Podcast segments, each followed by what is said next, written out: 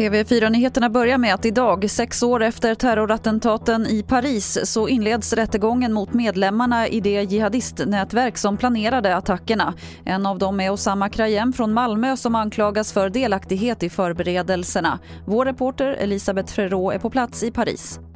Osama Krayem, han är från Malmö, han var och krigade i Syrien. Han är också misstänkt för delaktighet i Bryssels, eh, dådet mot Bryssels tunnelbana och bränningen av den jordanska piloten i en bur.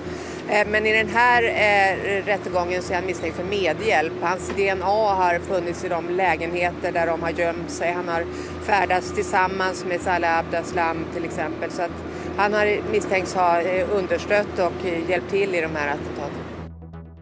Det kommer mer och mer stöd för att finansminister Magdalena Andersson ska ta över som partiledare för Socialdemokraterna när Stefan Löfven avgår i höst. Flera partidistrikt och SSU har redan sagt att de står bakom henne och nu säger även ministerkollegan Anders Ygeman till Expressen att han hoppas och tror att det blir Magdalena Andersson. Och vi avslutar i Munkedal där polisen har gripit två män efter ett inbrott hos en glasstillverkare i natt. På övervakningsfilmer ser man två personer springa från platsen med glasskartonger. De greps alltså senare och förutom inbrott är en av dem också misstänkt för narkotikabrott. Det var det senaste från TV4 Nyheterna. Jag heter Lotta Wall.